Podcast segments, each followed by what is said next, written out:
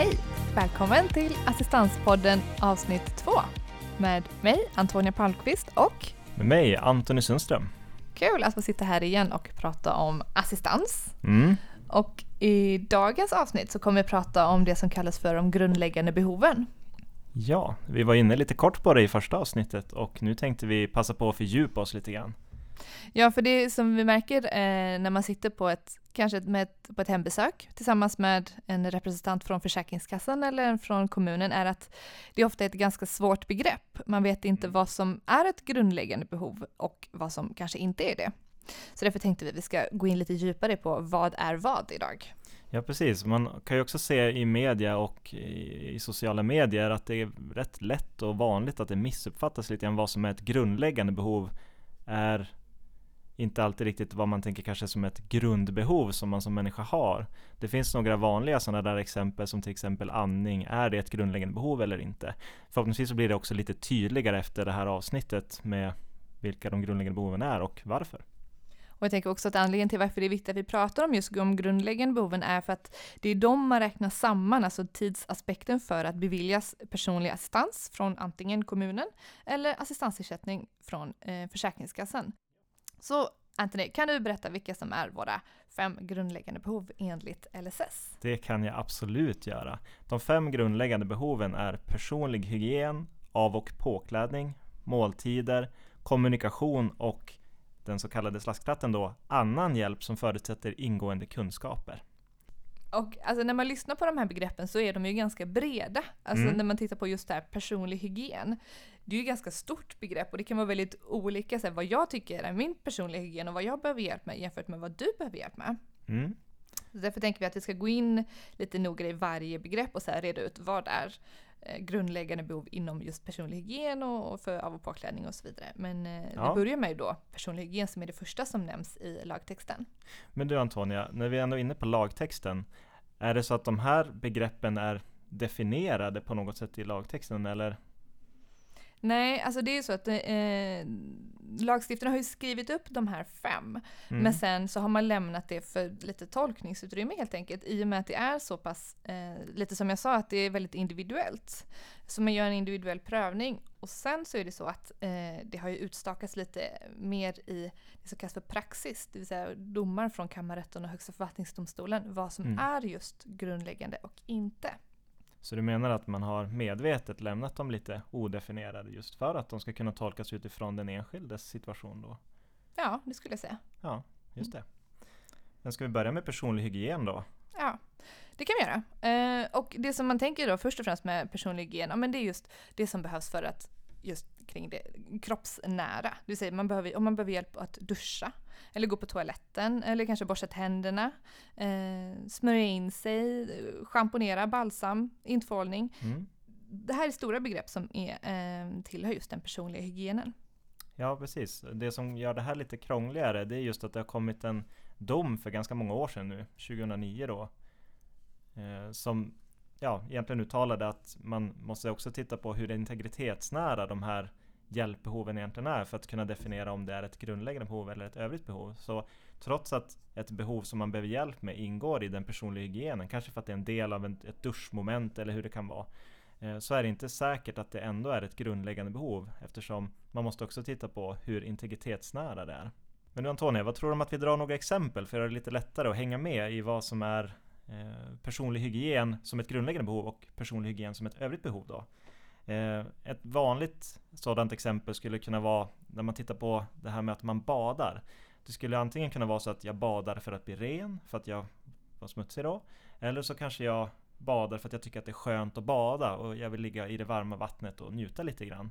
Där man skulle kunna tänka att det första exemplet, det, det faller ju in under personlig hygien. Delvis eftersom det är integritetsnära och eftersom det rör min personliga hygien då. Men det andra exemplet, det är fortfarande integritetsnära men det, det, är tveksamt att det, badet sker på grund av att, ja, för att, att, att det är för att jag ska bli ren, utan det är snarare en fråga om eh, andra behov som styr att jag tycker att det är trevligt att bada helt enkelt. Mm. Och det här har ju växt fram lite för att jag kan tänka tidigare så var det inte riktigt så utan då kunde man exempelvis eh, duscha vid flera tillfällen per dag. Och mm. alla de här duscharna räknades då som ett grundläggande behov för att man skulle bli ren. Men så som det har förändrats lite nu i, ehm, ja, egentligen för att Försäkringskassan har tolkat eh, lagen på ett särskilt sätt är att eh, man bara behöver en dusch oftast för att bli ren. De andra duscharna mm. är mer för att man kanske tycker det är skönt eller för att ja, det syftet inte är att bli just ren. Man kan väl säga att man gör någon slags uppskattad bedömning av att ungefär eh, hur mycket ja, hur mycket behöver man egentligen duscha för att bli ren en dag? Och sen är det så att det är klart att det kan finnas undantag. Finns, är det motiverat att man duschar flera gånger så kan man ju ändå räkna det som grundläggande behov. Det, man måste ju som sagt titta på individen. Men du nämnde ju från början att, att man har medvetet lämnat definitionerna i lagen ganska eh, odefinierade, ospecificerade så att säga. Eh, men det här är kanske då en av konsekvenserna att det ibland också leder till svåra gränsdragningar. Så. Mm. Och andra eh, behov som är lite, man kan säga som man ändå kan diskutera just nu, det är eh, huruvida eh, hjälp med att klippa naglarna eller att raka sig eller att eh, borsta håret. Om det här skulle in, eh, omfattas av just begrepp personlig hygien för att det kanske inte är eh, att faktiskt bli ren men det är ändå en väldigt integritetsnära eh, hjälp som man, ja, som man mm. kanske inte skulle vanligtvis eh, behöva få hjälp av en annan person ifrån. Ja, precis. Och just de här exemplen som du nämner har ju varit lite grann eh, en diskussionsfråga inom assistansen på sistone. Där man ser till att det ses ju i regel som någon form av kroppsvård ändå, så på så sätt har det ändå varit en del av den personliga hygienen under väldigt länge och är ju fortfarande i många avseenden just det. Men det Försäkringskassan bland annat har flaggat lite grann för och, och ställt frågan är just Ska man se det som integritetsnära behov? Och den jämförelse de har gjort då Det är att de tittar på typiska saker som man som konsument kan köpa ute i handeln till exempel. Att, att köpa just tjänsten att någon fixar mina naglar är det typiskt sett en sån tjänst som finns tillgänglig på marknaden, då menar man alltså att det inte skulle vara integritetsnära, för det är inte, det är inte så känsligt då. Och eh, det kan man ju tycka vad man vill om, men det är ju väldigt viktigt att ha i åtanke också att de här personerna som behöver personlig assistans för det här, det är ju inte personer som har möjlighet att göra det här valet, utan det är ju personer som är helt beroende av att få den här hjälpen från någon, för de kan inte utföra den själv. Och jag tycker det är lite konstigt att man gör den jämförelsen. Ja, det blir väldigt konstigt för att då tittar man egentligen inte på det individuella behovet hos brukaren utan då tittar man på okej, okay, hur hade det sett ut om man, eh, ja, en person utan en funktionsnedsättning, hur hade den behövt, vilken hjälp mm. hade den behövt? Men du Antonija, skulle du mm. säga att det är också någonting som man ser tydligt? Alltså det blir, det blir mer och mer av en slags schablonisering eller? Absolut, och det märker vi ganska tydligt när man eh, just tittar på beslut från Försäkringskassan att trots att ett en dusch kanske tar 40 minuter i praktiken så beviljas eh, 10 minuter för att det är det som Försäkringskassan tycker är rimligt eh, för att bli faktiskt ren. Mm. Så det är jättetråkigt att, eh, att det har blivit just den här strikta bedömningen och man märker att det är, det är inte så individuellt just nu för att alla beviljas samma tid. Men nu, nu, nu drar jag ganska, ganska hård kant utan det är inte alltid så utan det är klart att eh, även de som behöver hjälp beviljas det. Nej, precis. Vi har ju säkert en hel del exempel på både bra och eh, mindre bra bedömningar. Så. Mm. Eh, men om vi går vidare på av och påklädning då, som är det nästa grundläggande behovet. Eh, där kan man väl säga att det finns en ganska tydlig gränsdragning som man har gjort. Där man skiljer på normalt sett då vad man tänker som inomhuskläder och de kläder som är nära på kroppen och de som inte är det. Och då tänker de utomhuskläder eller skor och så. Mm. Där de förstnämnda då är de grundläggande behoven och de här ytterkläderna då, det är de övriga behoven. Ja, och exempelvis då på innerkläder, det är ju ja, men så här, trosor, kalsonger, strumpor och sen även t-shirt och sånt. Men ja, precis som du säger, går man vidare till att när man ska gå ut så räknas inte ytterkläder. Nej, men det man kan tycka är lite märkligt bara när man tittar på just av och påklädning och det här med ytterkläder är ju ändå att för den som behöver hjälpen så blir det ju förstås fortfarande ett problem om man inte beaktar det. Sen är det så att man kan ju fortfarande få assistans för det, men det är ju viktigt att tänka på att för den som behöver hjälp för att få på sig ytterkläderna är det ju fortfarande minst lika viktigt att få på sig dem som att få på sig inomhuskläderna om man ska kunna gå ut till exempel. Ja, och det kan vi även säga just kring den personliga hygienen, att om det är vissa moment som inte beviljas som är grundläggande behov, exempelvis då om rakning kanske inte skulle beviljas som ett grundläggande behov, så kan det fortfarande beviljas som ett övrigt behov eh, om man beviljas personlig assistans. Men det är just det som kan bli problematiskt när man mm. pratar grundläggande behov. Att är de grundläggande behoven för små, så mm. som kommunen eller Försäkringskassan bedömer det, då får man kanske inte rätt till assistans överhuvudtaget. Eh, det är därför det är så himla viktigt också att man definierar dem tydligt. Och då, men då kommer vi till det eh, tredje grundläggande behovet och det är eh, hjälp med eh, måltider. Mm. Och där gör man en ganska stor gränsdragning och det är just gällande, som en grundläggande behov så räknas bara det eh, alltså att bli matad, det vill säga föra maten från tallriken upp till munnen eller att få dricka upp till munnen. Inte mm. det här med att tillaga mat, eh, skära upp i vissa fall, eh, mm. ja, diska och allt det som är runt omkring måltid utan det är bara faktiskt föra maten från eh, tallrik till munnen. Och sen så tänker jag, här kommer vi också komma till stor del gällande just hur är det med sondmatning. Ja. Eh, och det är ett så stort eh, ämne tänker vi att vi kommer ha ett helt avsnitt just där vi bara pratar om sondmatning. För det är ju väldigt, eh, någonting som vi diskuteras mycket om i just media och mm. eh, ja, som har tagit väldigt mycket plats, särskilt just nu kring under valet. Precis, det finns en hel del skäl att komma tillbaka till sondmatning och få gå lite djupare på det, så därför går vi inte in på det så djupt här som du säger. Utan eh, det är näringstillförseln som är det grundläggande behovet helt enkelt, när man pratar måltider. Det fjärde behovet, hjälp med kommunikation, det är också en lite klurig fråga. Mm, det skulle jag säga. Det är ju från början egentligen tänkt som ett behov av hjälp för den som kanske inte kan kommunicera själv eller som kanske behöver hjälp för att förstå andra. Och det var väl det man tänkte någonstans, att behöver man sån hjälp så ska det också vara som typiskt hjälpbehov som beviljar rätt till assistans också. Men man kan ju säga att det har definierats eh, tydligare genom rättspraxis då med åren och nu har det vad jag skulle säga en ganska smal innebörd. Mm.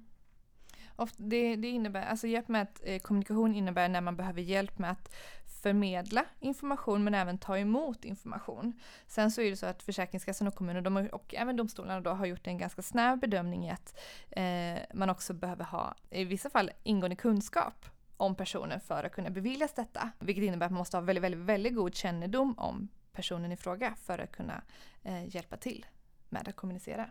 Ja precis, det är väl här det blir lite rörigt för man pratar alltså inte om ingående kunskap som i definitionen i det femte grundläggande behovet utan man, man pratar mer om, som du är inne på, god kännedom om personen som behöver hjälpen. Och tanken är att man behöver alltså ha god kännedom om personen för att överhuvudtaget denne ska kunna förmedla sig till tredje part som man kallar det. Alltså någon annan än, än, än den personliga assistenten då. Eh, så det, det blir, blir minst sagt rörigt och en ganska svår bedömning att göra i många fall. Och sen så tittar man också på när, när uppstår det tillfällen som personen behöver faktiskt kommunicera. Mm. Så att för att beviljas eh, tid för hjälp med kommunikation så behöver man också ha tillfällen där man faktiskt behöver kommunicera. Men exempelvis på detta är ju när man är och handlar, träffar vänner, eh, ja, ute på stan. Mm. Ja, lite sånt. Ja, precis. Och det kan ju tyckas lite svårt kanske för någon som kanske normalt inte har den här typen av Eh, förmåga att kunna förmedla sig själv. Att man då ändå ska hitta de här typerna av situationer som man kan bevilja tid för. Man ser, det är också en jämförelse mot tidigare, där har man å andra sidan mer eller mindre schabloniserat det förut för att förenkla att, att typiskt sett så anses man behöva hjälp för att kommunicera vare sig man förstår det själv eller inte. Eh, Medan man numera har gått åt andra hållet vilket såklart är ett sätt att, att minska tiden eh, som man beviljar assistans för dem. Ja, det blir snävare och snävare bland alla behoven märker vi. Mm. Men då kommer vi in på det sista, eh, det vill säga eh, annan hjälp som förutsätter ingående kunskaper. Kanske det, kanske det svåraste grundläggande behovet att försöka definiera på ett enkelt sätt. Eller vad skulle du säga?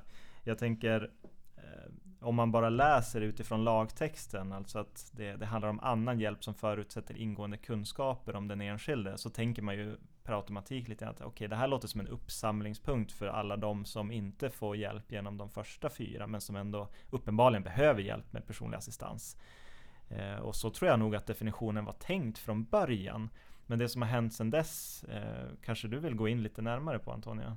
Ja, ett, eh, i praxis då, det vill säga genom domar från kammarrätt och Högsta förvaltningsdomstolen, så har den här det femte behovet mer, eh, eller egentligen helt uteslutande, riktat in sig på personer med psykiska funktionsnedsättningar. Mm. Och utöver det så ska man även ha ett eh, omfattande och frekvent aggressivt utåtagerande beteende. Mm. Vilket innebär att det har ju snävats ner otroligt mycket, eh, vilket gör att det är en väldigt liten grupp som kan beviljas just den här, eh, ja, men det, det här eh, behovet. Just som grundläggande behov, ja precis. Mm. För man, man, använder begreppet aktiv tillsyn av övervakande karaktär. Och då är det som du säger, det, det vanligaste är ju att det handlar om personer som själva kanske inte är medvetna om det, men just att de, de är utåtagerande och behöver någon som mm. avleder dem eller hjälper dem i de här situationerna. Och oftast handlar det om då personer som, som är rent aggressiva. Och det ska finnas en viss frekvens, alltså det ska uppstå relativt ofta och, och så vidare.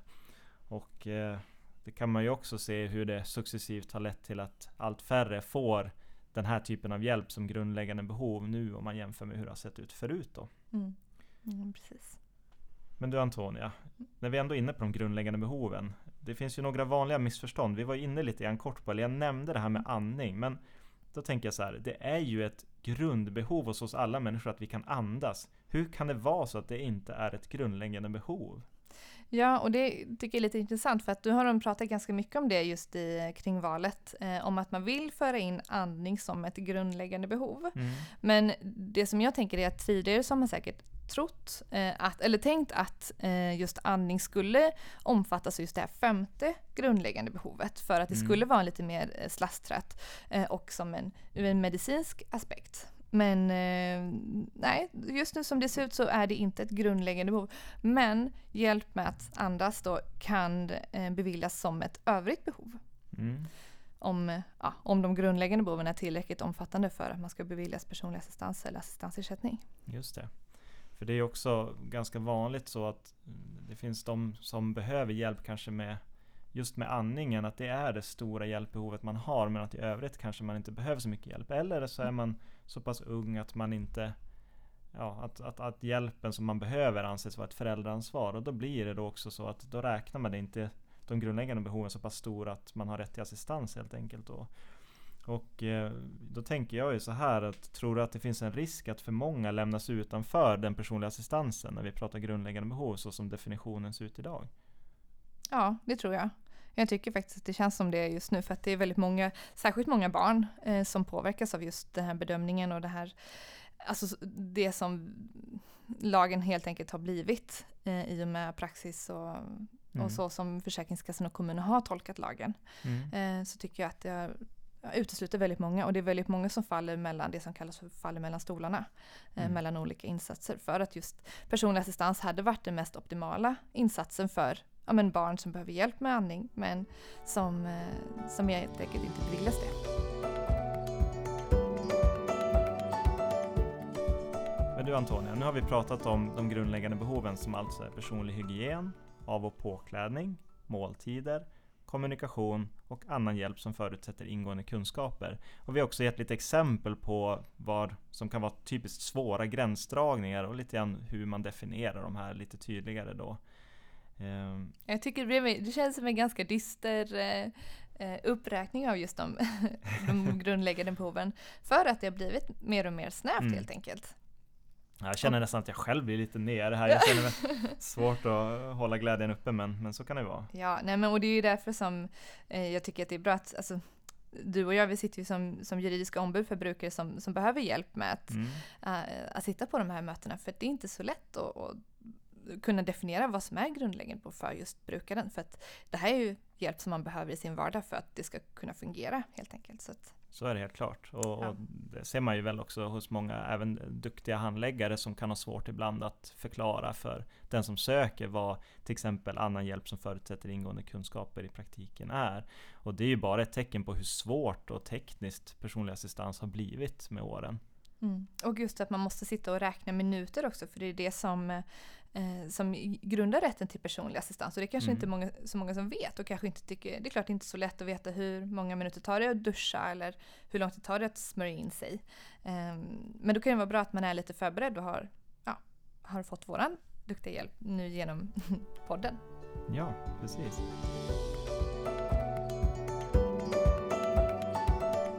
Då tycker jag att vi går in på dagens assistansord. Eh, dagens ord är bevisbörda. Mm. Och då tänker man i en förvaltningsprocess, det här LSS och personlig assistans det är en, en rättighetslagstiftning, det vill säga det är en rättighet. Och det är en insats som man ansöker om. Och för att söka om personlig assistans så är det upp till den enskilde att visa att man är i behov av hjälp. Eller att man är i behov av den här hjälpen som man ansöker om. Det vill säga den som, ja, helt enkelt, den som påstår att man behöver det behöver ha ett, det vill säga bevis.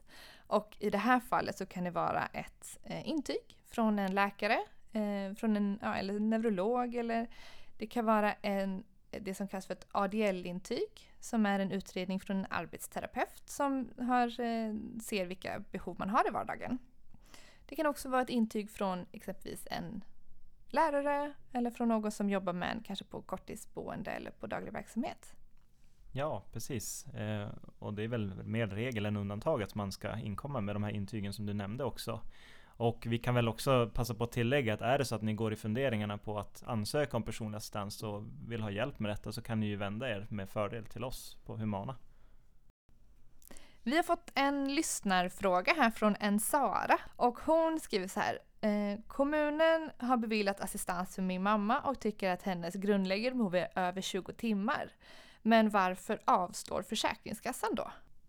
Det är ju en jättebra fråga av Sara här som inte är helt enkelt att svara på. Men i grund och botten handlar det om att kommunen och Försäkringskassan då, de, de gör självständiga bedömningar vilket innebär att de inte är beroende av den andra myndighetens bedömning på något sätt. Och i vissa fall är det faktiskt så att de inte är helt eniga om hur man ska bedöma grundläggande behov. Länge var det ju en fråga om hur egenvård skulle bedömas, där många av kommunerna i landet bestämde att egenvård skulle vara, kunna vara grundläggande behov, medan Försäkringskassan enhetligt sa att det är det inte. Det gör alltså att eh, kommunen och Försäkringskassan kan göra helt olika bedömningar trots att det gäller samma person, samma intyg och samma hjälpbehov. Då. Hoppas att det hjälpte dig Sara. Är det så att ni vill komma i kontakt med oss och kanske ställa en, en eh, lyssnarfråga som vi kan ta upp i nästa avsnitt så får ni jättegärna höra av er till oss och då kan ni mejla oss på assistanspodden humana.se. Ja. Och eh, då får vi tacka för det här avsnittet. Ja, tack ska ni ha. Tack. Hej. Hej.